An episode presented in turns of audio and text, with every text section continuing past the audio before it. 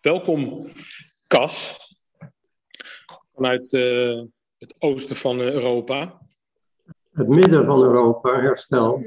Het midden van Europa. Centraal-Europa, hè? Het is geen Oost-Europa meer. Ja, eigenlijk wel. Ja, ja, wij vinden onszelf centraal, maar eigenlijk is dat centraal. Bovendien hebben we hier iets dat heet Central European Time. En dat uh, komt aardig overeen met waar wij zitten. Ja, ja ik, uh, ik hoorde dat er veel uh, geschiedenis aan dat gebied zit als het over Europa gaat. Eigenlijk misschien wel meer dan hier in, uh, aan de westkant van, van Europa. Ja, dat hangt er vanaf hoe ver je teruggaat. Maar inderdaad, als je in eeuwen teruggaat. Hongarije is natuurlijk Oostenrijks-Habsburgs Rijk geweest. En dat was heel groot. Dat ging tot en met Kroatië, tot en met delen van Roemenië, Slowakije, et cetera. Dat was drie keer zo groot als Hongarije nu is. En Hongarije die zijn nog steeds heel erg boos dat ze met Trianon gestraft zijn, zogenaamd, voor hun vroegere expansionisme. Dat dat weer teruggebracht is tot een soort kern. En je ziet nog steeds in Hongarije overal kaarten aan de muur hangen van groot Hongarije. Hoe het vroeger was. Alsof wij in Nederland al onze koloniën zouden laten zien als zou dat Nederland zijn. Ja, ik van de week over, de, over die brug, over de Donauree en Belgrado binnenkwam, toen zei de taxichauffeur: Welkom in het Ottomaanse Rijk. Ottomaanse Rijk. Ja. Nou ja, Hongarije is natuurlijk heel lang overheerst geweest door Turkije. Dus er, er zitten wel wat uh, Turkse elementen in de Hongaarse cultuur. Turkse baden bijvoorbeeld zijn hier heel veel aanwezig warmwaterbronnen. Dus, maar dat willen de Hongaren niet weten hoor. Nee Nou Cas, ik ga jou introduceren. Je bent uh, afgezien van uh, een grote inspiratiebron geweest van mij in de jaren negentig toen ik naar de Willem de Koning Academie ging in Rotterdam. En ik mezelf afvroeg hoe digitalisering en, uh, en architectuur nou met elkaar samenhingen. was jij daar al mee bezig in Neeltje Jans? Dat is de eerste keer dat ik van jou hoorde. Maar in al die tijd uh, ben jij inmiddels uh, emeritus hoogleraar van Hyperbody bij de TU Delft. Ja. Adviseer je de regering van Qatar over robotics, robotic printing, waarschijnlijk het printen van gebouwen. Ja. De, en uh, vanuit de Qatar University. Ja. Je bent medeoprichter van het Innovation Studio ONL samen met je vrouw en beeldend kunstenaar Ilona Lenar. Klopt. En je legt op dit moment de laatste hand aan een boek. Oh, ja, dat, dat is eigenlijk al gebeurd. Dus we zijn nu met uitgevers bezig om dat uh, vorm te geven. Zowel als, uh, als uh, ja, printing on demand, e-book, et cetera. Te gek. Een van de ideeën is, maar dat ze eigenlijk al verklappen voordat dat openbaar is, dat we via QR-codes de lezer, die ook het fysieke boek heeft, uh, allerlei links uh, bieden naar uh, achterliggende informatie. En de titel is A Personal Odyssey to Another Normal. Another Normal, ja. Dat is een, een soort parallele wereld die gewoon nodig is, maar ook mogelijk is. Daar moet je wel wat voor doen en daar heb, dat beschrijf ik dan, hè, welke dingen substantieel nodig zijn eigenlijk om tot een ander normaal te komen. Wat niet het vervolg is op het oude normaal, wat uh, nu heel duidelijk tot soort rampscenario's leidt. Dus daar moet je wat aan doen. En dan hebben wij als ontwerper hebben natuurlijk de kracht van het voorstel. Door te zeggen van waarom doe je het niet zo? En daar speelt digitalisering een grote rol in. En als je dat doet, dan heb je veel minder afval, ben je veel effectiever met je, met je energie en dus minder klimaatproblematisch. Of helemaal niet zelfs, hè? of zelfs klimaatpositief. Drie hoofdpunten waarvan je zegt, daarom is het anders en niet um, nieuw normaal, maar een ander normaal? Nou, dat is uh, een vrij omvangrijke vraag. Ik heb uh, al veel meer dan drie punten. Maar politiek gezien, als we daar gelijk op in kunnen haken, politiek gezien denk ik dat het heel nodig is om een universal basic income te hebben. Voor iedereen, overal ter wereld. Hè, en dan proportioneel tot wat een, een, gross natural product is, denk ik. Dat, uh, dat leg ik natuurlijk niet in de puntjes uit in mijn boek, maar dat zijn wel een van de punten die eh, volgens mij hard nodig zijn om fair en equal opportunities for all te creëren. En daarmee ook eigenlijk de uitwassen van het kapitalisme te beperken. Of zelfs te, te veranderen in iets wat veel meer uh, coöperatief, empathischer is. En wat meer richt op samenwerking, op echte innovatie en niet op profit. Dat was één punt. Ja. Ander punt, je vroeg er drie hè? Ja.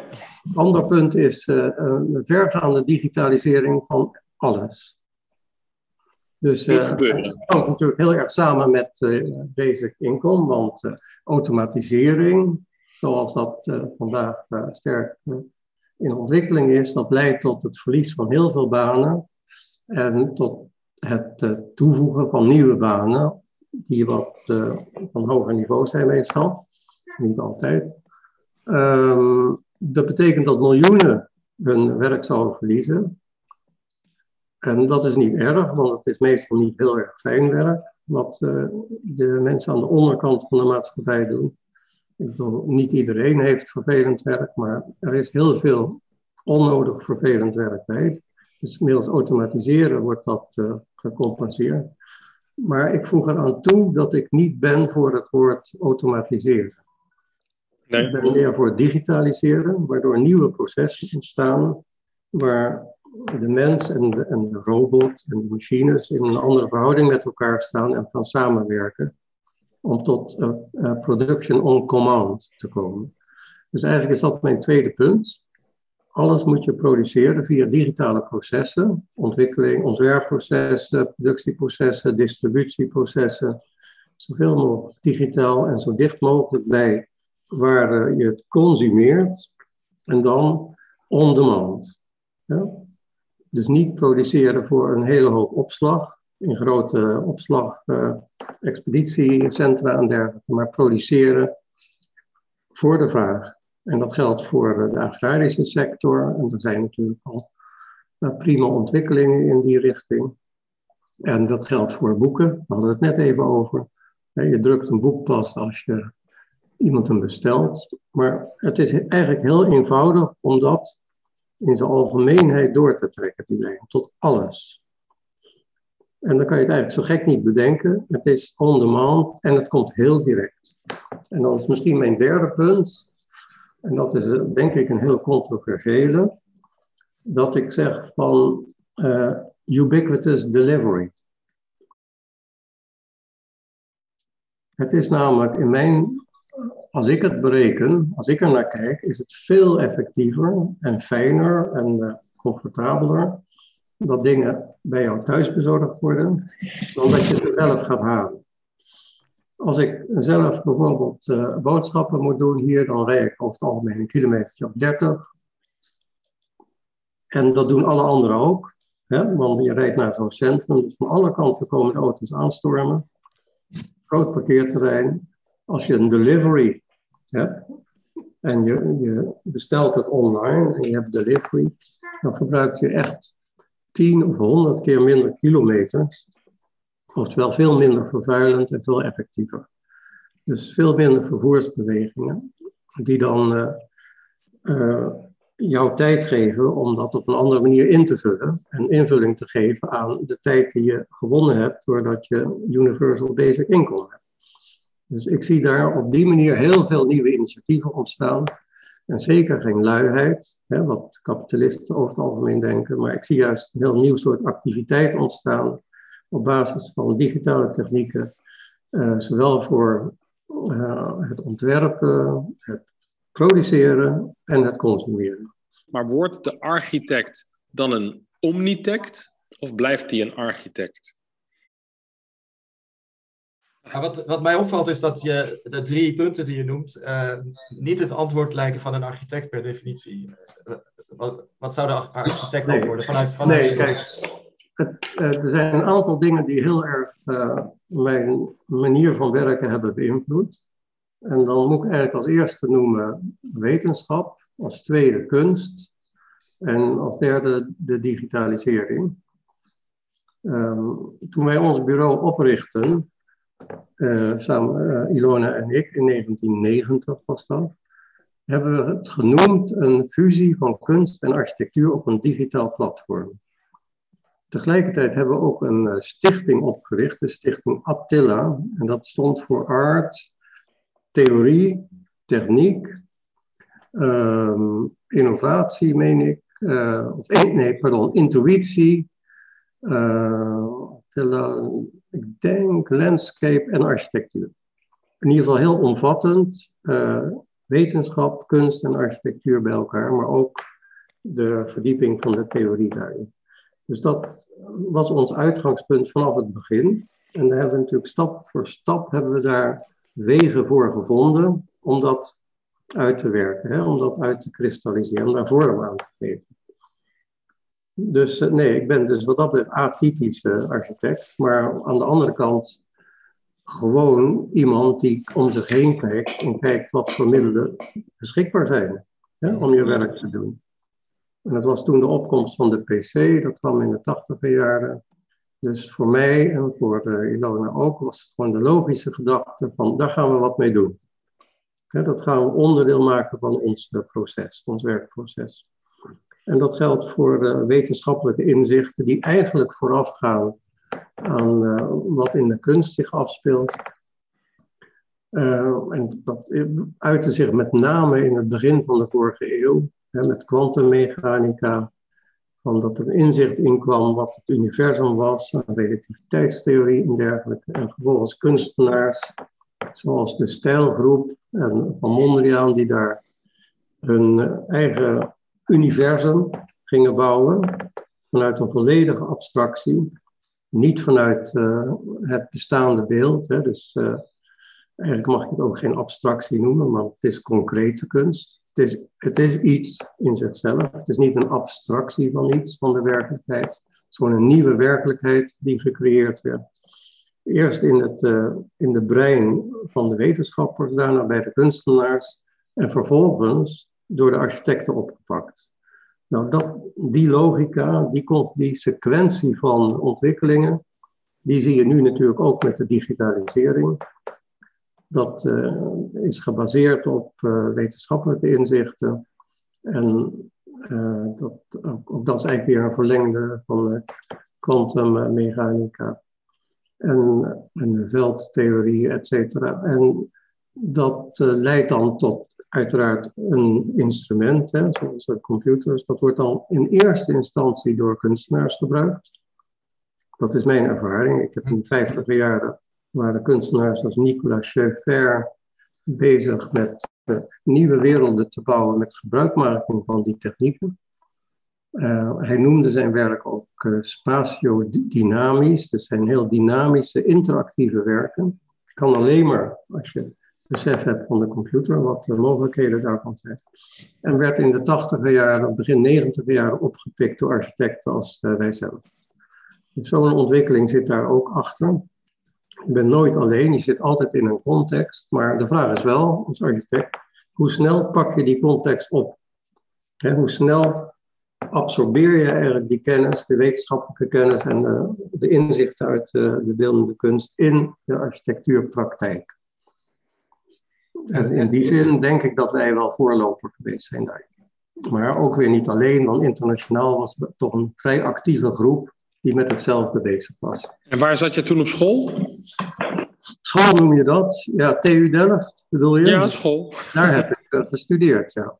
Ja, dat dus was, dat, dit was nog, uh, dat was nog in het tijdperk van Algol 60, dus uh, computers met ponskaarten. Dus ja, dat speelde eigenlijk nog geen rol. Maar vrij snel daarna wel. De Alfons 60, daar heb je op gewerkt. Nou, ik heb het een keer geprobeerd, maar dat was echt boring. Dus dat, eh, nee, dat eh, leidt tot zo langzaam resultaat. Daar moet je zoveel werk voor doen. Om überhaupt een, eh, een, lijn op papier te krijgen. Nee, dat, uh, dat heb ik toen niet actief gebruikt. Je noemde, je noemde net de stijl. Uh, de stijl is natuurlijk heel kenmerkend voor, voor begin vorige eeuw. Ja. Denk je dat we over een eeuw terugkijken naar deze tijd en, en parametrisch design ook als een stijl gaan zien? Nou ja, dan snij je even een ander onderwerp aan. En dat, uh, dat leidt ongetwijfeld tot een vraag over parametricisme, zoals gepromoot door Patrick Schumacher. de, zeg maar, de erfgenaam van het bureau van Hadid. Maar uh, daar ben ik niet voor, om het als een stijl te zien. Um, omdat hij het koppelt aan uh, vloeiende lijnen. En dat heeft mijn zin helemaal niets met elkaar te maken. Je kan parametricisme wel als uh, stijl benoemen, maar dan niet als, als het een vorm heeft. Het heeft geen vorm. Het is een werkmethode, het is een, het is een instrument waar je mee kan werken, waar je koppelingen aanlegt tussen de verschillende onderdelen van een uh, gebouw of van iets anders. Van alles, je kan alles parametriseren uiteindelijk. Um, en uh, het kan ook net zo goed rechthoekig zijn. Het hoeft helemaal niet vloeiend te zijn. Ja. Het zijn koppelingen tussen uh, onderdelen die een samenhang vertonen. Tussen, en dat noem ik in mijn boek dus componenten. Hè? Om, zich, om je te onderscheiden van uh, het idee van een element. Een element is een standaard ding, wat eigenlijk geen relatie met zijn buurman heeft. Ja, dat is gewoon een ding op zich. Kan gekoppeld worden, maar het is niet gekoppeld. En een component, dat is een element, een, een, een, een part, zou je het, ik moet het woord element vermijden, is een component dat alleen op die ene specifieke plek past. Als je een uh, industrieel apparaat uh, openmaakt, uit elkaar schroeft, dan zie je er allemaal componenten. En alleen door ze op een heel specifieke manier aan elkaar te koppelen, werkt dat. En in, um, in parametrisch ontwerpen gebruik ik dat op die manier. Dat je een, uh, een, een, een, veld hebt, zeg maar, dat je vult met componenten die elkaar kennen. En die ook allemaal uniek zijn. Het zijn geen standaard elementen, maar het zijn componenten die ieder voor zich een eigen identiteit hebben. En elkaar kennen, die naar de, naar de buurelement kijken, naar het buurcomponent kijken. En zich aanpast aan een, een algemeen idee over die configuratie. Dat is dus in vergelijking, zou je kunnen zeggen, iets wat een vogel in een groep vogels doet. Die in een, in een vlok, in een zwerm. Een vogel die kijkt naar zijn buurman, hoe snel gaat hij, welke richting heeft hij. Dat is precies wat gebeurt in een parametrisch model. En, uh, maar dat heeft niks met vloeiende lijnen te maken. Dat is een toevallige bijkomstigheid, omdat, nou, laat ik het zo zeggen, als je architectuur maakt die soepel is, wat wij ook doen, overigens, dus, uh, maar ik wil niet onder dat label parametricisme vallen. Dan heb je het ook op een gegeven moment nodig. Want ieder element is verschillend, heeft een eigen identiteit. En hoe beheers je dat? Ja, dat kan alleen maar door procedures te schrijven, door te scripten. Dat kan alleen maar door parametrisch te denken. Dus zo zit het in elkaar. Dus iemand die, uh, als we een Nederlander in, uh, hier meeluistert, dan kent hij wellicht het gebouw van uh, Lauwman tegenwoordig. Dus wat wij de A2 cockpit noemen bij Leidse Rijn. Dat is een uh, geluidswand en een showroom voor luxe auto's. En die zijn met elkaar gefuseerd tot één geheel.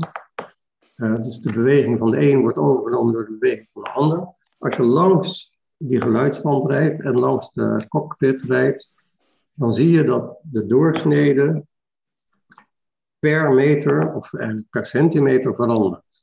er zit een beweging in dat hele, in die, in dat hele traject van 1,6 kilometer.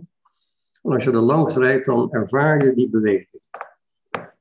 Nou, dat is uh, een van de kenmerken van onze architectuur, maar het is geen parametricisme. Is, is dat... het, is wel, het is wel een, uh, een, uh, een ervaring creëren door de tijd mee te ontwerpen. Het, het, is eigenlijk 60 seconden architectuur.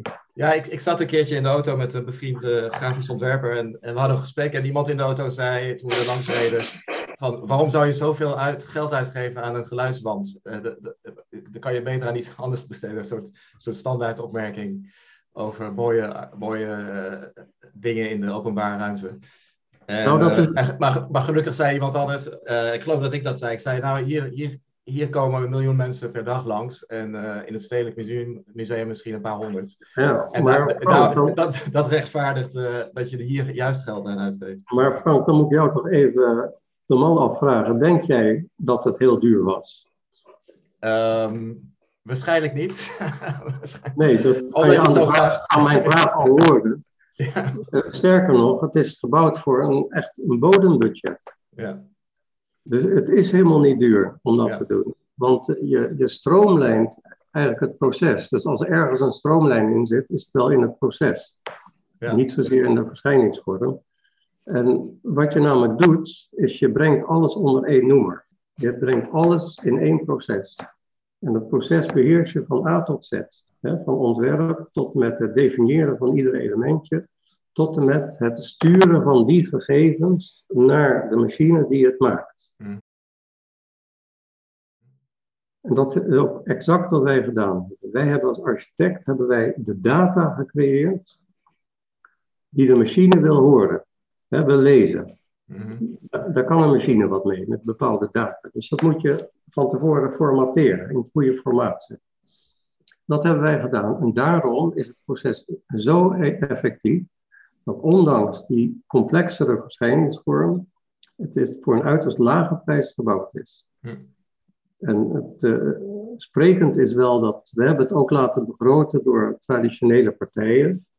De geluidswand is bijvoorbeeld begroot door Witteveen en Bos, hè, dat is een gerenommeerd bureau in uh, Nederland. Een bureau als Witteveen en Bos heeft die geluidswand berekend. En de uitkomst van die berekening was exact twee keer hoger als het budget was.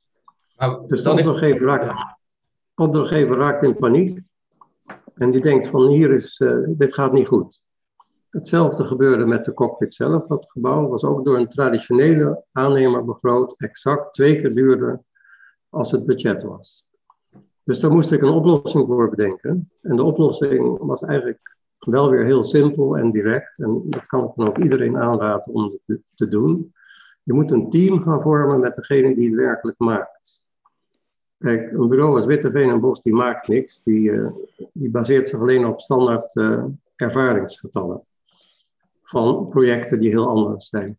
Een aannemer die doet eigenlijk ook zelf niks, die organiseert. Die organiseert zijn onderaannemers en haalt daar zijn winst uit. Hè? Dus daar zit sowieso al 20% eh, tussen. Maar zo zijn er meer stappen waar steeds 20% tussen zit. Dus dan komen ze uiteindelijk aan gewoon 100% duurder uit. Ja. Dus ik heb gezegd, oké, ik ga samen met de staalleverancier, want het meeste was staal, die dan zelf weer een verbond zocht uh, met de glasleverancier. Dus puur met de leveranciers hebben wij die projecten aangeboden voor binnen budget. Maar is het niet zo dat het als, als gebouw heel goedkoop was, maar als geluidswand wellicht wel duurder was dan een normale nee? Nee, ook niet. Ook niet. De geluidswand was ook het lage gebruikelijke budget waar we gewoon binnen moesten blijven. Want dan vraag je gelijk af waarom zijn niet alle geluidswanden zo prachtig natuurlijk omdat mensen. Kassen die het allemaal gemaakt heeft. ja. nou ja, hoe kan je dat anders noemen? Omdat architecten gewoon anders werken. Ik zei in het begin al, wij hebben die heel, heel speciale werkmethode ontwikkeld, die anderen gewoon niet doen. Dus uh, daar ben je, zijn we inderdaad gewoon voorloper in. En voor ons werkt het. Maar als iemand anders dat gaat doen, ja, dat werkt niet zomaar. En het werkt zeker niet als architect alleen. Want je moet dit samen doen met uh, degene die het maken, met de manufacturers. Dit, en dit, relateert weer aan printing on demand. Ik bedoel, dat kan je wel zeggen, maar je moet wel weten wat zo'n drukker nodig heeft. Ja, precies. Dus je, je moet die link leggen. Je moet de link leggen tussen wat je zelf produceert als ontwerper en wat het apparaat nodig heeft aan informatie om zijn werk te doen. En er moet niemand tussen zitten. Het moet een directe link zijn. Als je link hebt, dan werkt het. En dan kan je eigenlijk dingen maken die zo complex zijn als je wil. Want uh, daar, zit, daar zitten de kosten dan niet meer. De kosten zitten dan natuurlijk wel in welke materialen kies je, et cetera. Dat zijn de, de traditionele kostenposten uiteraard, dat blijft.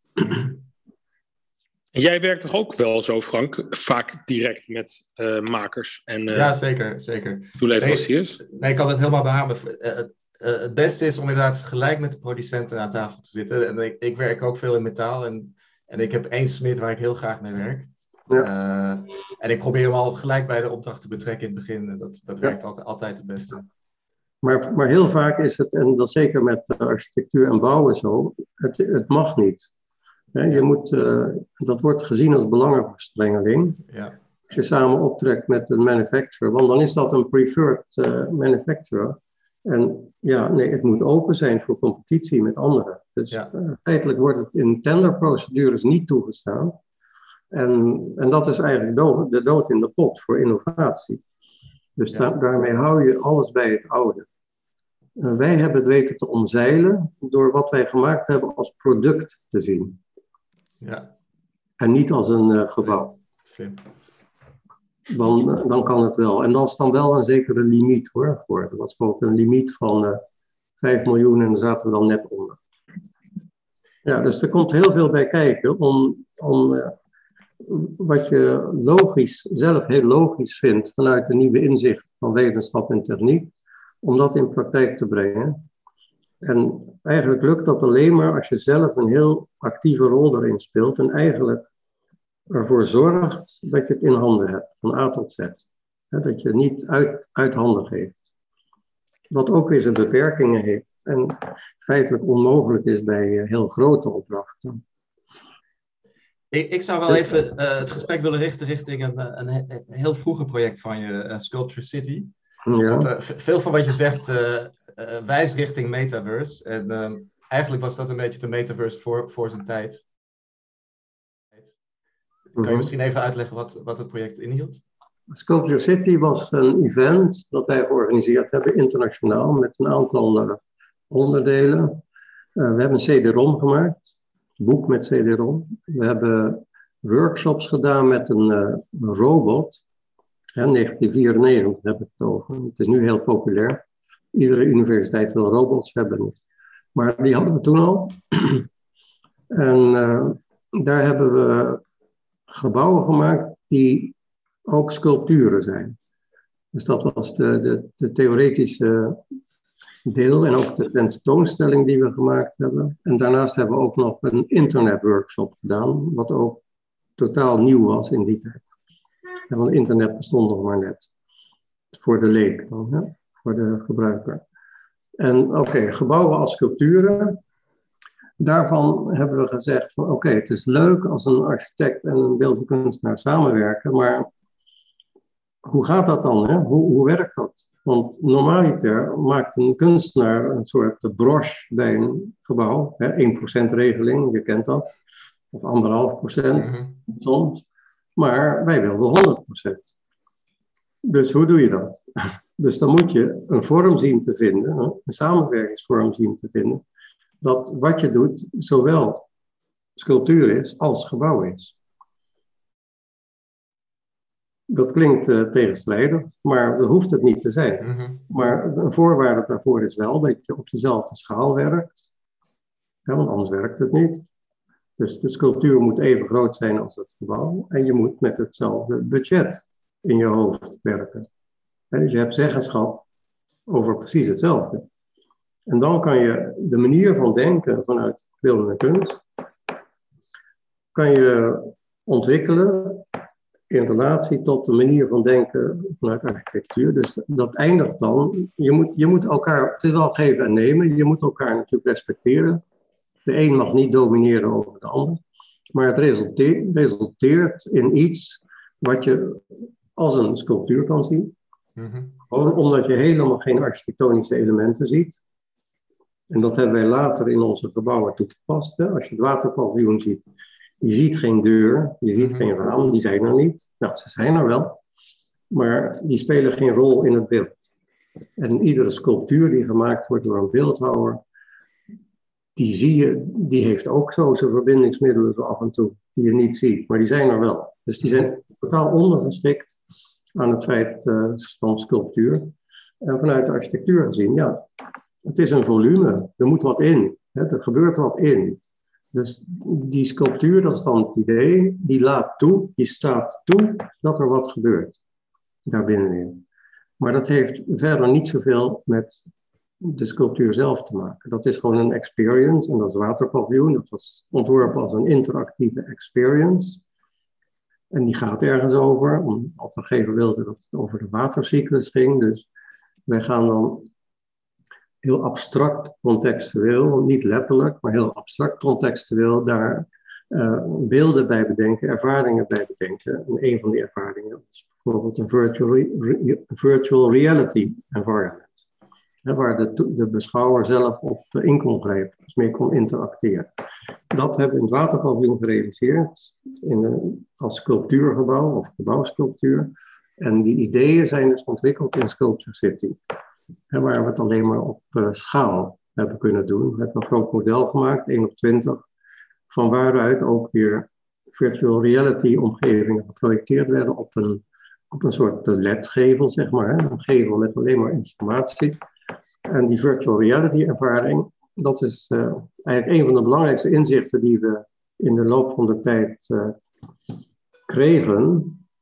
Een digitale omgeving kent geen zwaartekracht. Ja. Het is uh, in, in principe zwaartekrachtloze omgeving. En hij is ook in principe, in principe eindeloos. Ik bedoel, er is niet echt zoiets als een begin en een eind. Je hebt zo je beperkingen van je rekenkracht, maar dat is wat anders. Dus het is een universum. Maar, maar... En in een universum, als ik even deze af mag maken, een universum ken je geen onder en boven. Het is heel moeilijk om te zeggen de aarde staat onder of boven de zon. Dat lukt niet. Dat beweegt in een ruimte ten opzichte van elkaar. Dus die hebben alleen maar verhoudingen ten opzichte van elkaar, maar ze hebben geen absoluut coördinatenstelsel. Dat is er gewoon niet. Mhm.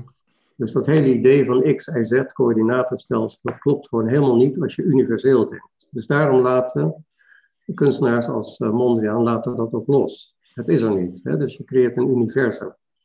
En dat deden we met virtual reality dus precies zo. Dat is een universum waar je dingen hebt floating in space maar onder en boven geen enkele rol spelen. Dus uh, de vloer, de wanden, het plafond, want we moesten een ruimte afbaken. Dat is allemaal hetzelfde. Hè? Zodat je het gevoel hebt in die ruimte te zitten en vrij rond kan tollen in die ruimte. In het geval van Sculpture City met een joystick kon je dat uh, besturen. We, hebben nu 30, we zijn 30 jaar verder. Hoe, hoe kijk je nu tegen de metaverse aan? Het is nu uh, een enorme buzzword ja, nou, het wordt, uh, het wordt gecommercialiseerd, uiteraard. dat is, uh, want het is natuurlijk weer gewoon een vehikel voor reclameboodschappen uiteindelijk.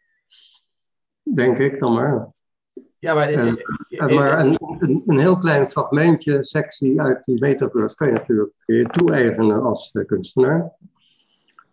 Maar, dan, betaal je, dan betaal je het zelf. Maar is het niet veel grondiger? Is het niet de, de dematerialisering van de stad die aan de hand is? En, en, en juist de kans voor een hele nieuwe maatschappij of een, een hele nieuwe architectuur voor, voor, voor, een digitale. Ja dat, ja, dat kan, maar dat is niet de intentie van uh, meneer Zuckerberg, denk ik.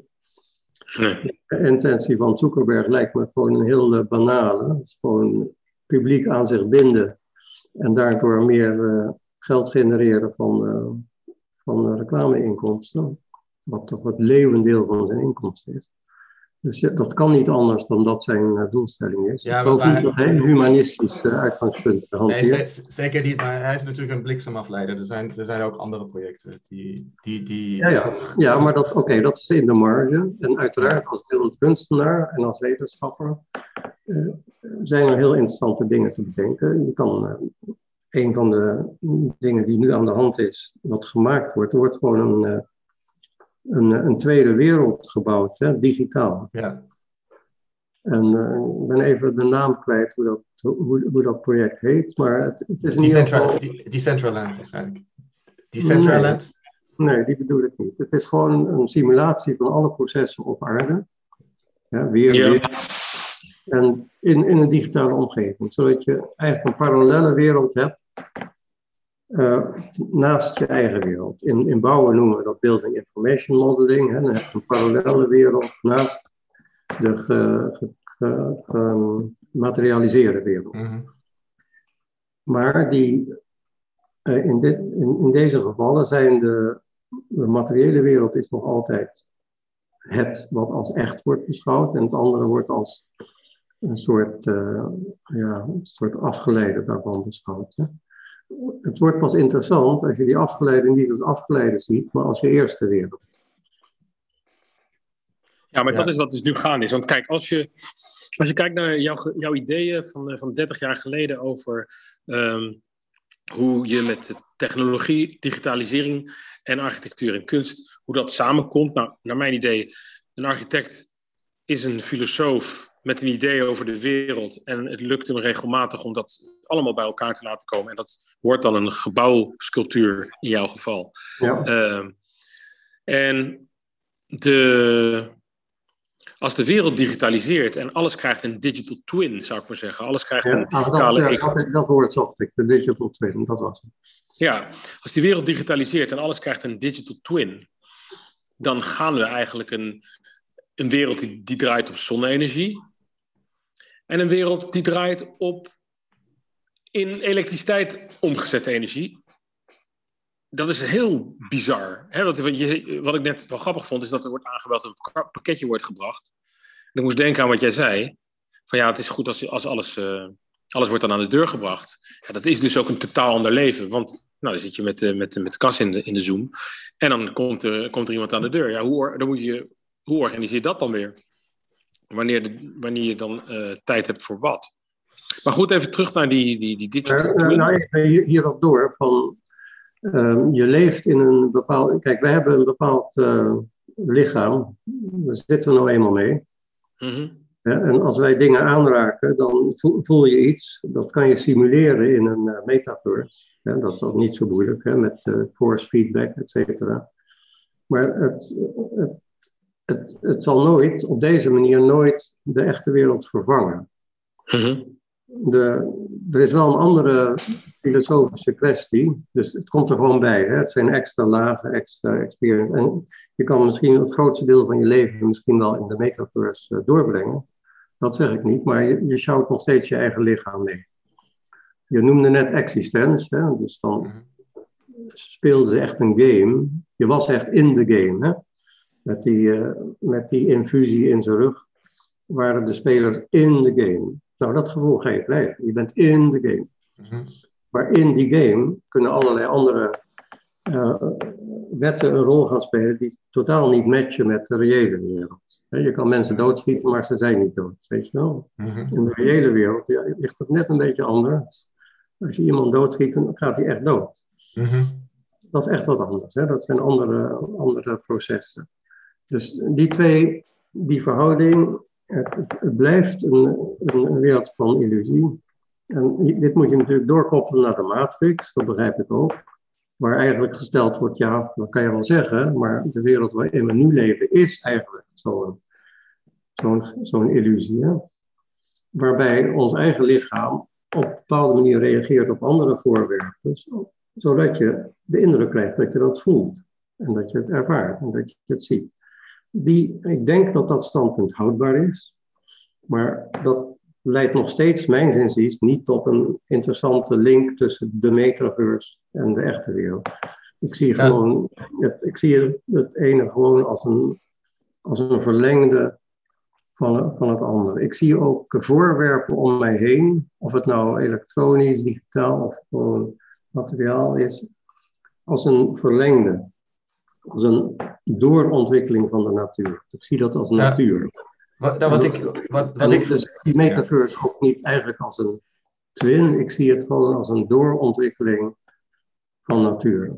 Nou, wat ik, wat ik een enorme benefit lijkt, lijkt mij van de, van de metaverse is dat het uh, een decentralisatie van de fysieke wereld helemaal uh, bewerkstelligen kan. Dus dus het, het, grote probleem is centralisatie. Die steden, de, de, met z'n allen naar, naar kantoor, ons allemaal in de file, allemaal stress. Ja. Als, als dat allemaal niet meer nodig is, dan is juist een, een terugkeer naar natuur mogelijk. Je kan ineens uh, vanuit een, een berghut kan je deelnemen aan een vergadering. In, in ja. en, en, met z'n allen, dat, dat, het is een virtueel bedrijf, dus alle deelnemers in het bedrijf kunnen samenkomen zonder fysiek aanwezig te zijn. Ja. Ik, vind, ik vind dat een fantastische benefit. Nou, eh, wat, wat, we, wat, we, nu doen, dat was uh, tien jaar geleden nog even ingewikkeld. Ja. En dat is nu, uh, ja, iedereen het. Maar wat, wat, wat me opvalt is dat die technische, de, de angst voor techniek uh, heeft vaak een heel andere uitkomst. Dus, dus ik, was, to, ik was ook, toen mijn, mijn zoon begon te gamen en veel begon te gamen, dacht ik van, oh, hij, hij, hij raakt af, afgezonderd en allemaal dat soort angsten krijg je dan. En wat is, wat is de uitkomst? Is dat hij een, een hele grote sociale leven heeft ontwikkeld in de games. En, en dat was natuurlijk fantastisch tijdens de lockdowns. Dus, en ik heb het idee dat het met Metaverse ook zo is. is. We zijn bang voor de Matrix, maar, maar uiteindelijk zou, zou het iets heel erg goeds kunnen, teweeg kunnen brengen. Als je inderdaad dat ding maar van je hoofd af kan halen. Als, je, dat, als je dat wil. dat, dat, is wel een belangrijke.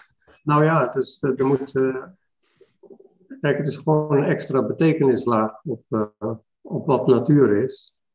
En ik, nogmaals, ik zie het gewoon als natuur maar gewoon als een doorontwikkeling daarvan. Dus ik, ik, ik zou ook nooit zeggen terug naar de natuur als je in zo'n hutje gaat zitten. Want je sluit je niet af. Nee, het is, uh, het is gewoon een onderdeel van die nieuwe natuur. En dat is dan ook onderdeel van wat ik in uh, mijn boek noem, another normal. Dat is een, een ander soort normaal, mhm. die wel steeds meer op uh, van de matrix gaat lijken. In heel veel opzichten. En, uh, maar niet als, een, niet als een gevaar, niet als iets engs, inderdaad.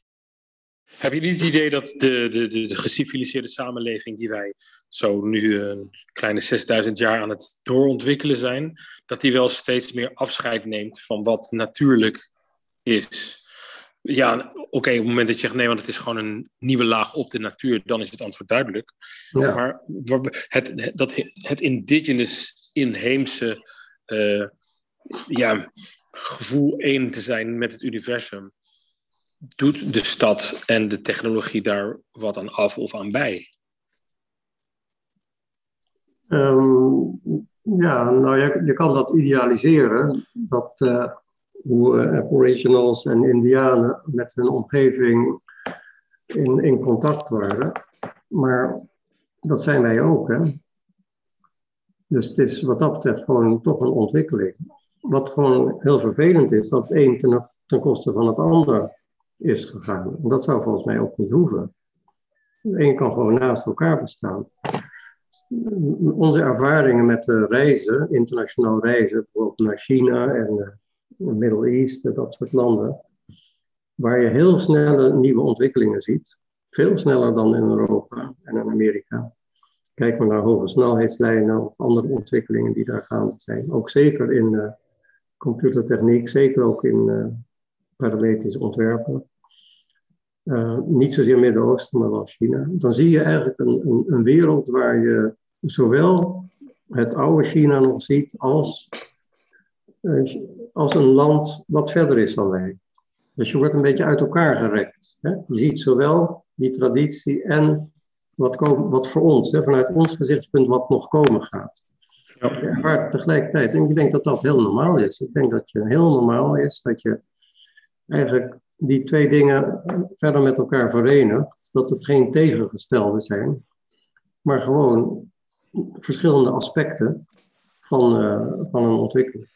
Ja, maar wat ik wel belangrijk vind is, in jouw uh, parametrisch design verhaal kwam eigenlijk het verhaal dat, dat het from the ground up is ontwikkeld. En ik denk dat je in principe met de introductie van de metaverse en de digitalisering die gaande is, en laten we het even onder de Great Reset scharen als een poging om, uh, om te zorgen dat de planeet enigszins uh, leefbaar blijft voor uh, ja. levende wezens. Ja. Dan zou je van de ground up echt naar een totaal nieuw systeem en model moeten en kunnen gaan. Want ik denk als je door blijft bouwen, dan blijft het ook ja, je kan niet met de, instrumenten van, van het probleem het probleem oplossen. Nee, nee dat klopt helemaal. Nee, nou, dat uh, leidt even terug naar hoe we begonnen, met welke drie punten. Je vroeg met drie punten naar voren te halen. Dus één was uh, de Universal Basic Income. Dus iedereen heeft tijd om zich voor, voor uh, eigen, eigen ideeën, eigen innovaties in te zetten. In plaats van at the service te zijn voor anderen.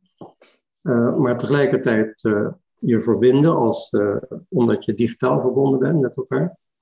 dus je, je vormt al degelijk groepen. Je bent niet alleen. Het is niet gebaseerd op ego, maar juist gebaseerd op dingen samen doen, op cross-disciplinary werk. Um, ik denk dat dat daar automatisch toe leidt. Het tweede was production on demand. Je produceert alleen wanneer iets nodig, is. Ja. wanneer iets nodig hebt en je produceert zo dicht mogelijk bij waar je het nodig hebt. Nou, dat is heel, dat is natuurlijk wat Indianen doen en Aboriginals doen, want die hebben alleen maar die omgeving. Dus je moet gebruiken wat in je directe omgeving is. Nu is onze omgeving is de, de, de wereld, hè, de aarde. Dus als ik een kopje in mijn hand hou, dat heb ik toevallig hier, dan is dat wellicht gemaakt uh, aan de andere kant van de aarde. Ook uh, de kleren die je aan hebt, vrijwel zeker, aan de andere kant van de aarde gemaakt. En die zijn toch hier gekomen. Op zich is dat een enorme ontwikkeling. En dat gooi je niet zomaar weg, want dat levert heel veel interessante dingen op. dat je één globaal organisme bent, dat over de wereld uh, verspreidt. Wat je niet wil, is dat ten koste gaat van allerlei zaken die, die ons hele ecosysteem in, uh, in stand houden. Dus je wil geen klimaatverandering, maar tenminste niet uh, zo geforceerd als nu aan de hand is. Maar je kan dus met de nieuwe technieken, daar zijn we nu langzamerhand aan toe, kan je natuurlijk zeggen, nou ik ga dat helemaal niet in China laten produceren. Nee, ik heb hier robots, ik heb hier machines, dezelfde machines als in China staan. En niet het handarbeid, hè, maar geautomatiseerd, gedigitaliseerd. Ik maak het zo dicht mogelijk in een workshop, zo dicht mogelijk bij mij.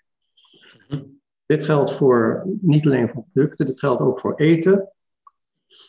Je maakt het zo dicht mogelijk bij huis. Dus in je, in je eigen huis heb je zometeen een, een kleine breeder, die kleine plantjes uh, grootbrengt en die je vervolgens uh, ook zelf kan eten. Dat is een deel van je, van je menu. Ja. Je, hebt ook, je hebt ook je community, hè, die, uh, dus je gebouw waar je in zit, die dingen gaat produceren, et cetera. Dus dat, geldt voor eten, zo dicht mogelijk produceren waar je bent, maar daar heb je de digitale technieken nodig om te kunnen decentraliseren. Want je moet met elkaar in verband blijven staan, je moet de zwerm blijven.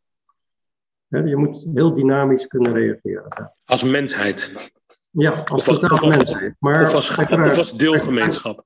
Ja, natuurlijk. En deelgemeenschappen terug herleidt tot kleinere gemeenschappen, terug herleidt tot je tot een eh, kerngezin, et cetera, tot de individu uiteindelijk. Iedereen moet er wat aan doen, op alle niveaus. Dus, uh, ik heb er wel een idee bij. Even terug naar het basic income. Ja. Dus dat basic income gaat bijvoorbeeld nog uit van het idee dat, dat er een, eh, een, een currency is, een, een stukje energie wat je in je broekzak kan stoppen of wat in je digitale wallet zit. Dat maakt eigenlijk niet zo uit of het nou in je metamask zit of in je broekzak.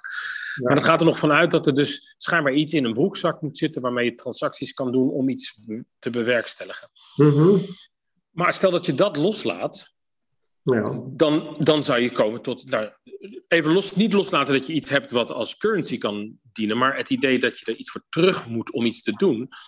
Ik zat zelf te denken van, als je dan toch van de ground up gaat ontwerpen hoe de samenleving zou kunnen werken, dan zou je ook beter kunnen kijken naar hoe werkt de natuur nou eigenlijk. Ja. als, ik een, als ik een tomaat in de grond stop, dan heb ik binnen dat seizoen meer tomaten dan ik op kan. En als ik de helft van die tomaten dat jaar erop ook weer in de grond stop, dan kan ik mijn hele buurt tomaten gaan uitdelen. Dus als ik, als ik vanwege mijn Universal Basic Income het leuk vind om tomaten te telen, ja. dan kan ik eigenlijk al deelnemen aan een weggeef-economie. Waarbij het er eigenlijk om gaat, als je iets over hebt, geef het dan weg. En vraag er niks voor terug.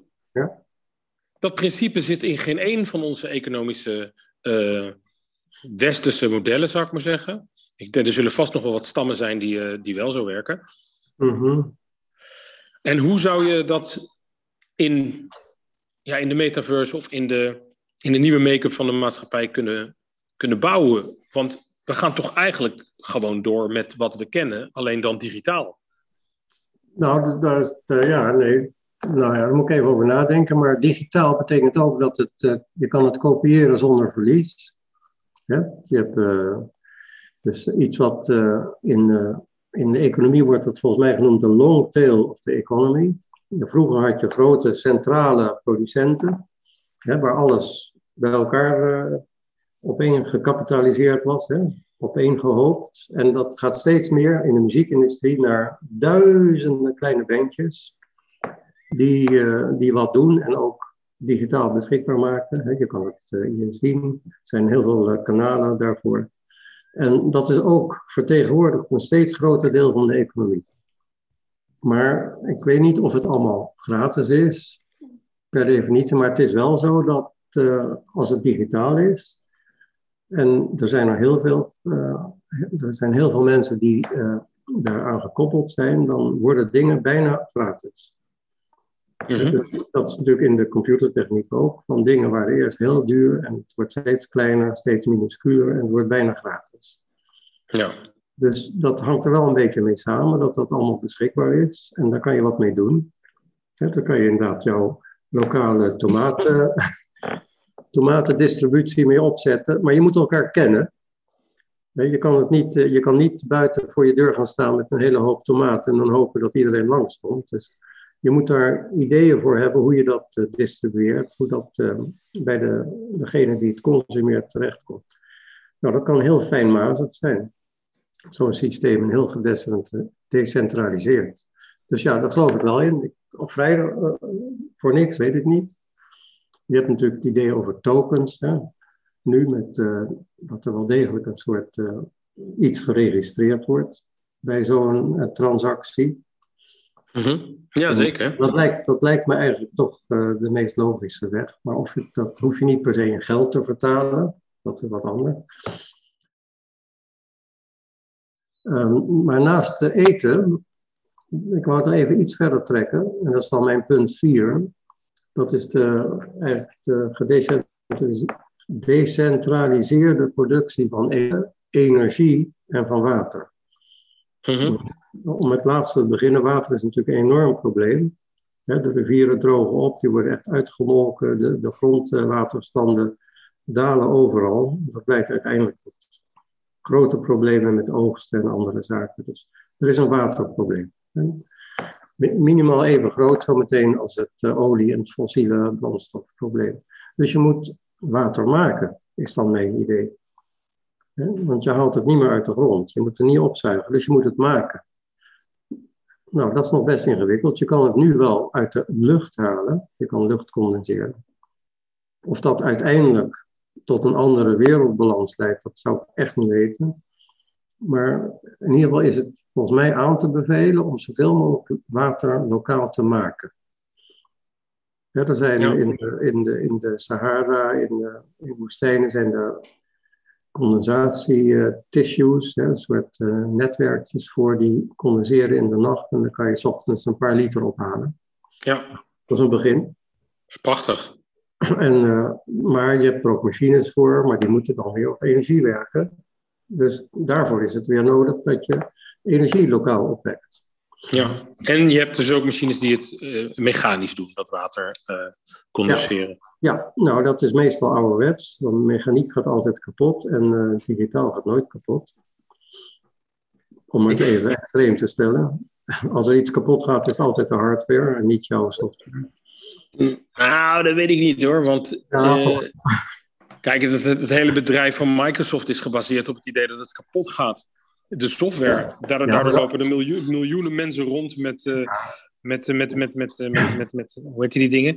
Ticket uh, servers. Om te kijken bij welke desk ze nu moeten lopen. Om welke update waar uit te voeren. Ja, maar dat, dat, ja, maar dat zijn verdienmodellen. Dat is wat anders.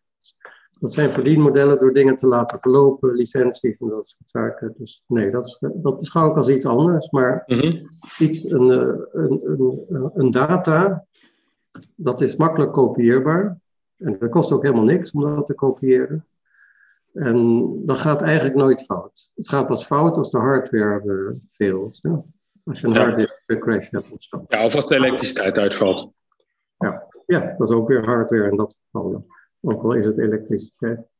En oké. Okay, ik, ik, ik, ik, heb nog, ik heb nog waar nu? Dus? Ik heb op zich een vraagje nog over uh, Universal Basic Income. Waar ik altijd mee zit is uh, als je het gevoel van verantwoordelijkheid bij mensen weghaalt, eh, hoe eenvoudig hun, hun werk ook is, hè, uh, ja.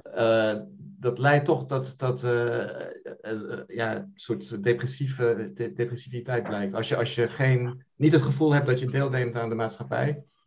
En, en als je dus 80% van de mensen eigenlijk met vakantie zijn, lui of niet, daar gaat het niet om. Het gaat erom, je, je, je draagt niet meer bij. En, en, en, en het kan zijn dat mensen heel zwaarmoedig worden daardoor. Is daar een oplossing voor? Nou, de, de, de onderzoeken wijzen het tegendeel uit, in ieder geval. Waar geëxperimenteerd wordt met basic income, dan tonen de mensen juist gemiddeld meer initiatief. Zeker na verloop van tijd. Het is, uh, nou ja, als je het extreem zet, dan is het gewoon de hele wereld wordt één grote vrijwilligerssamenleving, uiteraard. Je doet dingen omdat je ergens uh, goed in bent of dat graag doet. Ja. Vraag maar eens aan een beeldend kunstenaar wat zijn uh, mm-hmm. depressieve momenten zijn. Dat is toch voornamelijk als hij niet kan doen wat hij wil doen. Mm-hmm. En een, een beeldend kunstenaar die, die doet dat niet omdat iemand erom vraagt. Ja, ja, maar als, je, als de schilders en de vuilnismannen en, en, en, al die beroepen verdwijnen, dat, dat, en de bouwvakkers en, en noem maar op, dat zijn vaak de gelukkigste mensen in de maatschappij, valt mij op. Ze hebben altijd glimlachen, ze, weet je, ze, ik vraag me af wat er gebeurt met maar goed, misschien is dit een zijspoor. Nee, dat is een mooie vraag. Want ja, dit is, er, is een, er is een Latijns woord uh, wat otium is. Otium, dat is eigenlijk de tijd waarin je niks mag of moet doen. En dat, dat woord is ontstaan in de tijd dat een keizer zijn leger de hele dezelfde plek hield. Ze mochten niet terug naar huis en ze mochten ook niet vechten. Ze zaten daar eigenlijk maar. Nou, zo'n leger misschien niet meteen een groep mensen die je associeert met kunstenaars. Maar uiteindelijk gingen al die, uh, die, die militairen toch de dingen doen die ze graag deden. Uh, ik denk dat het een, meer een uit was van deze samenlevings make-up, of van, deze, van de manier waarop we onze samenleving georganiseerd hebben, eh, daar klopt het bij dat dan mensen opeens eh, ja, flegmatisch worden of uh, depressief. Of, uh, maar dat zegt iets over de samenleving waarin de ruimte ontstaat om te kunnen gaan doen wat je wil. We hebben dat, daar onze samenleving nog helemaal niet op ingericht. Ja, klopt. Ja, het is een transitie. transitie ja, ja ik denk ook dat het zo zit. Maar ja, je zult het op grote schaal moeten eh, invoeren. Om te kijken wat de, wat de lange termijn effecten zijn. Maar volgens mij is het echt gewoon een van de dingen die je moet doen. En het is ook onvermijdelijk. Of in, in de woorden van Kevin Kelly te spreken, inevitable. Die gaat gewoon gebeuren. Mhm. De vraag is alleen, ga je daar intelligent mee om? En ga je niet mensen, uh, ga je niet mensen, hoe noem je dat? Uh, ja, uitmelken. Ga je er niet misbruik van maken. uh, zo van, jij vindt het toch zo leuk om dit te doen, dat er weer een soort dwang ontstaat. Dat, dat is lastig. Er moet gewoon een gemeenschapsverband ontstaan, waardoor je het doet. Waardoor je het graag doet en waardoor je het ook eh, gemotiveerd doet. En nou, je ziet dat in heel veel situaties toch gewoon spontaan ontstaan. Ja. dat als de overheid niet goed functioneert, dan zie je spontaan zie je bewegingen die zeggen van nou dit moet anders, wij gaan ons daarvoor inzetten. Niet omdat dat gevraagd wordt, nee, omdat ze dat vinden, omdat ze dat zelf ervaren, moreel of anderszins, of zelfs fysiek ervaren van dit, dit gaat niet goed, hier moeten we wat aan doen. Uh, jij noemde net het voorbeeld met jouw tomaten. Nou, jij gaat tomaten verbouwen, hoorde ik al. Nou is het alleen jammer voor jou dat we ook uh, kassen hebben en Nederland worden er heel veel, is heel veel ontwikkeling in, dat er eigenlijk helemaal niemand meer bij aan te pas komt om tomaten te verbouwen en te oogsten en te distribueren. Dus wat jij dan gaat doen, denk ik persoonlijk, dat dat veel meer aan de innovatieve kant gaat zitten. En dat dat gaat over producten die niet zo als basisproduct geautomatiseerd kunnen worden. Oftewel, je gaat jezelf naar een toch een, een, hoger, een intelligenter, hoger niveau brengen. Je gaat dingen doen die je nog niet gedaan had, gewoon omdat je nieuwsgierig bent hoe dat werkt. Misschien ga je wel een PhD doen in natural physics, om er erachter te komen hoe het nou werkelijk zit, hè, achter die event horizon. Ja. Wat zou jij gaan doen, Frank? Ik zou inderdaad opschuiven richting de kunsten. Als, als, als alle ontwerpvragen automatisch worden opgelost, zou ik nog verder opschuiven richting de kunst. Ja. Maar je, je, kan natuurlijk nog steeds een rol spelen daarin, maar niet als degene die het, uh, die het uh, repeterende werk doet. Ja. Dus als je hebt over tomatenoogsten, ja, dat vind ik toch wel aardig repeterend werk. Vind je dat kleinschalig misschien heel leuk, maar als je het voor een hele buurt moet doen, dan wordt het al wat anders. Ja. En dat blijft natuurlijk bestaan, hè? produceren voor uh, grotere groepen. Ik geloof niet dat je het zo ver kan decentraliseren dat iedereen in zijn eigen eilandje zit. En dat, dat moet ook absoluut niet. Het moet juist in, een, uh, in verbanden. Ja, dat komt misschien ook wel omdat wij, uh, intelligent, hoogopgeleid, geciviliseerde mensen, beter, beter begrijpen dat in ieder geval wij, hoogopgeleide, civiliseerde mensen, in, dit, in dat grote verband overlevingskans hebben. er zijn een heleboel mensen die dat helemaal niet hoeven te ambiëren. Die hebben hun overlevingskans, die weten ongeveer hoeveel voedsel hun territorium produceert en met hoeveel mensen zich ongeveer per jaar kunnen voortplanten om daar nooit uh, honger te krijgen. Ja. Uh, die mensen denken helemaal niet na over dat dat een verband of een zwerm moet zijn die de hele wereld domineert. Dat lijkt toch wel een, een, een fetish van, uh, ja, van hoogopgeleide ehm, stedelingen. Ja, dat weet ik niet hoor. Ik denk dat juist heel goed die verbanden gemaakt worden in gemeenschappen die, uh, die allemaal uh, die noodlijdend zijn. Bedoel, de vrouwen die lopen mijlenver per dag om een beetje water te halen ergens, als er een droogte is. Dus eh, zo'n taakverdeling en samenwerking die, die vindt spontaan plaats op alle niveaus. Ja. Maar dat is niet iets wat je wil, dat mensen in die situatie zitten. Tegelijkertijd hebben ook heel veel van hun wel degelijk een cellphone misschien nog niet een smartphone, maar wel een communicatiemiddel waar, uh, waarmee ze die verbanden verder kunnen uitbreiden. Maar bovenaan het feit staat dat wij als Westen moeten ophouden om die andere werelden te koloniseren. Ja. Uit te putten. Ja, en superieur over te voelen. Ja, dat, dat is gewoon uh, crimineel gedrag eigenlijk. En dat blijft maar doorgaan. Dat is ook moeilijk te stoppen. Hè? Mm Het is heel moeilijk om een kapitalistisch systeem, wat op, die, op, eigenlijk op profit gebaseerd is, om dat te veranderen. Vanuit dat systeem zelf. Dat is erg lastig. Ja. ja. En daar komen we eigenlijk een beetje aan die meneer Varoufakis uh, terecht. Die, die zegt van ja, je moet het. In principe moet je het zien af te remmen. Of uh, ja, je moet het met eigen middelen bestrijden. Daar komt het eigenlijk op neer. Op alle fronten, de banking systems, de de, de olieproducenten, de, et cetera, met eigen middelen bestrijden en daar tegelijkertijd een alternatief bij zetten. Hoe je dat uh, moet organiseren. Is, is dat ook een beetje... Uh, daar is bijvoorbeeld Varoufakis nu Europees niveau mee bezig, met, een, in, uh, met een beweging die heet DM 25, geloof ik. Mm -hmm. En hij probeert dat nu gewoon in groter verband op te zetten wat heel lastig zal blijken. Maar uiteindelijk denk ik dat de klimaatcrisis uh, dat dat uh, zodanig uh, effect zal hebben dat ook dus het alternatief, wat eigenlijk al voorhanden is, dat dat geïmplementeerd kan gaan worden. Ja, ik was in gesprek met een, met een man die een consortium en een foundation heeft opgericht, die Tamata heet.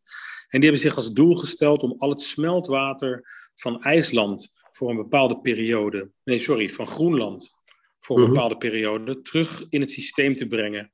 Um, en even buiten het, uh, het weersysteem te houden, uh, of het oceanensysteem. Maar um, uh, een tijdje lang, het smeltwater, dat is geloof ik vier keer zoveel water als dat we op deze planeet nodig hebben om te leven en onze levensstijl te hebben.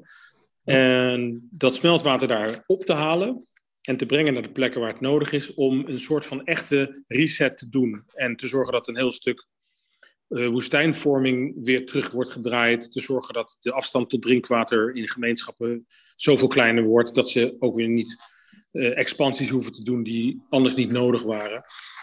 Um, prachtig idee. Er zijn nu al oliebedrijven geïnteresseerd om hun schepen om te bouwen. Eh, naar, naar, naar olie, naar waterschepen. En het mooie wat ik van zijn verhaal vind, is dat de, de indigenous mensen uh, van die eilanden, die zeggen, ja, ja, wij zien eigenlijk ook dat het klimaat verandert. En we denken inderdaad dat de leefstijl van jullie daar wel een enigszins oorzaak bij heeft. ja, wij hebben zo'n cultuur, die is nu al zo'n 19.000 jaar oud. En dat, we leveren elkaar allerlei natuurwijsheden mee. En ja, we zien toch een beetje dat jullie die niet hebben. en ze, ze noemen zich dan de Elder Brothers. En ze zien de, het Westen een beetje als de Younger Brothers. Die op zich allemaal leuke wilde uitvindingen hebben gedaan in de afgelopen 2000 jaar. Maar waar we nog niet alle consequenties van overzien. Zegt uh, de Chinees Monetair Fonds trouwens ook over uh, het Westen. Van, uh, de voorzitter van het Chinees Monetair Fonds zegt ja, we hebben een hele oude beschaving en cultuur. En we hebben jullie zo'n beetje 2000 jaar aangekeken, hoe dat ging. Maar we zijn niet heel erg onder de indruk. Dus we gaan het vanaf nu af aan toch weer naar ons toe trekken. En dat zie je eigenlijk ook gebeuren. Maar goed, dat is even een heel andere kant op. Mm.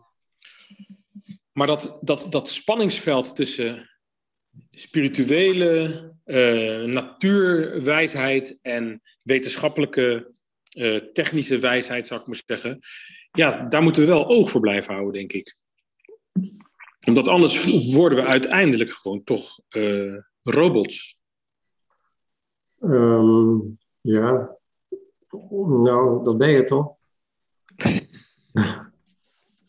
nee, ja. ik, heb, ik heb een aantal artikelen geschreven, en dat uh, wil je misschien helemaal niet lezen, maar dat, uh, die titel is uh, een beetje geparafraseerd naar iRobot van Isaac Asimov. Dat heet dan We Robots. Hè? Mm Als je kijkt wat je op een dag doet en hoeveel daarvan robotic is, denk, denk maar aan koffie zetten of zo. Hè. Mhm. Een aantal handelingen dat je verricht, steeds in dezelfde of een net iets andere volgorde. En daarbij kan je natuurlijk uh, je gedachten gewoon laten gaan over andere dingen. Dus we kunnen, we kunnen parallel processen. Maar heel veel aspecten van wat je doet, is heel erg uh, robotic. We, we zijn heel erg ingesteld op steeds weer hetzelfde doen. Ook als je een boer bent, dan ben je ingesteld op steeds weer dat te gaan doen. steeds weer die handeling. Of uh, jouw tomaten weer, steeds weer die tomaten. Dus in principe zijn wij als mensen veel meer robotic dan we denken. We denken dat we allemaal ongelooflijke vrije wil hebben, dat we iedere dag doen waar we zin in hebben. Maar, maar dat is helaas niet waar. We zitten heel erg in een bepaald frame. En met name in het frame van je eigen, van je eigen lichaam natuurlijk, hè, met alle beperkingen van die. En het interessante vind ik persoonlijk dat de robotic niet zozeer een, een vervanging is, hè, wat mensen al robotic noemen, niet zozeer een vervanging is van dat soort werkzaamheden dat we doen, maar dat, je, dat ik het meer zie als een extensie hè, van, van je eigen beweging. Dus als, ik een, als wij met een robotarm werken die uh, een robotic painting maakt, dan is dat toch een verlengstuk van een uitbreiding van onszelf. Mijn computer, dat is mijn exobrain. Er zit een heleboel in die computer. Die heb ik niet in mijn hoofd zitten, maar die zit wel daar. Maar het is wel, het is wel informatie waar ik toegang toe heb, waar ik zo af en toe toegang toe geef uh, van anderen. En wat ik ook kan sharen, wat ik heel moeilijk kan doen met mij, wat in mijn eigen hoofd zit. Dus het expandeert enorm. dat, dat, noem ik, dat noem ik de, het nieuwe natuurlijke, zeg maar. Hè? Het is niet iets wat tegengesteld is aan natuur, het is natuur. Alleen je mhm. moet het zo gaan beheren en beheersen dat het niet vervuilend is. En dat je niet jezelf, uh, ja, dat je niet in je eigen val loopt, bij wijze van spreken. Ja. Het is, wat mij betreft helemaal niks tegen techniek. Alleen je moet het zo beheren en beheersen dat het voor iedereen een positief uh, beeld oplevert. Ja, maar en ik denk ook dat het niet tegen uh, de, de, de, de, de grondbeginselen van het natuurlijke in druist. Nee, nee, ik denk het ook niet. Het, het maken, wij zijn makers. Hè? Het maken van dingen, dat is uh, iets wat, dat idee is op een gegeven moment ontstaan en dan kan je natuurlijk heel nostalgisch teruggaan naar bouwen nestjes en dergelijke. Maar het maken van dingen, dat heeft een enorme vlucht genomen. Alles wat je om je heen ziet, dus ik zou zeggen, kijk links, kijk rechts, onder en boven, alles is gemaakt. Mhm. En dan heel in de verte zie je misschien een plantje, dus die, die echte natuur waar je zo, zo uh, dol op bent. Maar eigenlijk is De hele omgeving is één groot uh, slakkenhuis waar we in zitten. Allemaal gemaakt. Zullen we tot een conclusie komen? Dus misschien, uh, uh, Cas, we zijn begonnen met jouw boek. Kan je zonder, zonder de plot helemaal weg te geven vanuit je boek een, een conclusie formuleren aan alles wat we um, Nou, dat, zijn, dat is eigenlijk heel eenvoudig. Het gaat, dat is een soort herdefinitie van parametrisch ontwerpen. En, en uh, digitalisering, dat is feitelijk het ontwerpen van verbanden. Hè? Dus uh, het is eigenlijk het bouwen van relaties. Mm -hmm. gaat, voor een component gaat het niet zozeer om het component zelf, maar om de verbinding die het heeft met zijn naburig element, component. En jij bedoelt dat allesomvattend, dus, dus vanuit de architectuur toegepast op, op alles?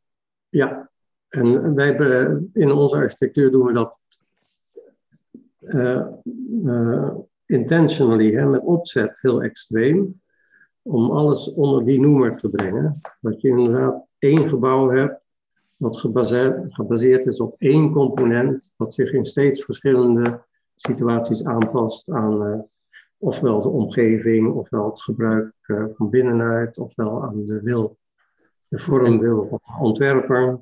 Maar om, er is altijd een, een, systeem dat adaptief is in zijn, uh, in zijn context. En dat systeem is een samenhangend systeem van onderdelen die elkaar kennen. Zou, jij, zou, je, zou, je, zou je met je, jouw uh, filosofie Janis uh, Varoufakis kunnen helpen met zijn, ja, uh, zijn ambitie? Ja, ja, oh, ja, dat kan. Dat kan zeker. Ja. heb, je, heb je hem al benaderd? nee, want dan moet ik lid worden. En dat heb ik nog niet gedaan. Van zijn, van zijn partij? DM. Ja, ja, dan moet ik eerst 25 euro overmaken. Nou.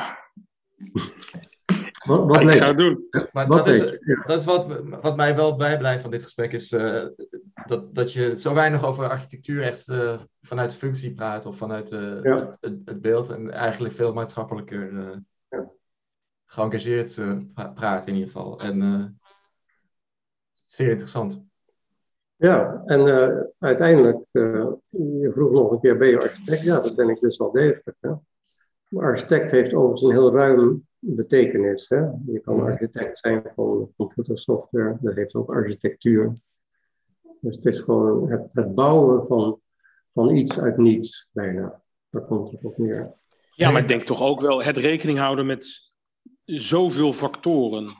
Ja. Uh, ik denk toch dat een architect, als je een beetje kijkt naar de oude Grieken of zo, ja, je bent in, in gesprek met de koning of met Varoufakis. Er zijn maatschappelijke vraagstukken en er moet uiteindelijk een gebouw komen. En je, je neemt de kans om dat vraagstukken, de vraagstukken van dat moment uh, mee te nemen in, in dat gebouw. Ook omdat dat gebouw zo lang effect heeft op zijn omgeving. Ja, zou ik, uh, dat zou, zou ik niet uh, gauw zo zeggen. Zeker niet als je het over de metaverse hebt. Maar, mm -hmm. Ja. Want het, ik, ik uh, heb geen enkel probleem met tijdelijkheid van dingen. Mm -hmm. um, en iets waar we het helemaal nog niet over gehad hebben, maar dat doen we een andere keer, is interactieve architectuur. Waarbij tijdelijkheid opeens, de tijd opeens een element in het, de vormgeving wordt. Waarbij tijdelijkheid uh, opgerekt wordt naar na naderen tot nul. Dus bijna volledige stilstand en uh, zeer actief, hè, zeer uh, bevlogen. Wat je ook weer als soort entropie-levels kan zien. Daar is, dat is een ongelooflijk interessant onderwerp, waar overigens de laatste jaren weer veel meer interesse voor, voor is. Dat merk ik aan de PhD-kandidaten, die schrijven daar veel meer over. Er zijn veel meer papers dan zeg maar tien jaar geleden over interactieve architectuur. Wij begonnen daar zelf al ruim twintig jaar geleden mee, of eigenlijk nog langer. En je ziet dat het nu, na, een loop, hè, komt dat tot een soort volwassenheid, denk ik. En gaat het een rol spelen in hoe je de nieuwe samenleving inricht. Ja, nou, dat lijkt me mooi om uh, dat als, als een van de beginpunten voor een volgend gesprek te nemen. Het doet mij denken aan een student die ik in de tijd dat ik jou leerde kennen en uh, vier jaar ouder was dan ik, ook nadacht over dat verhaal. En die was bezig met het ontwikkelen van een, een cel die deels biologisch, deels synthetisch was, uh, genetisch programmeerbaar en in tijd uh, bruikbaarheid of een gebouw of, of functionaliteit kon groeien.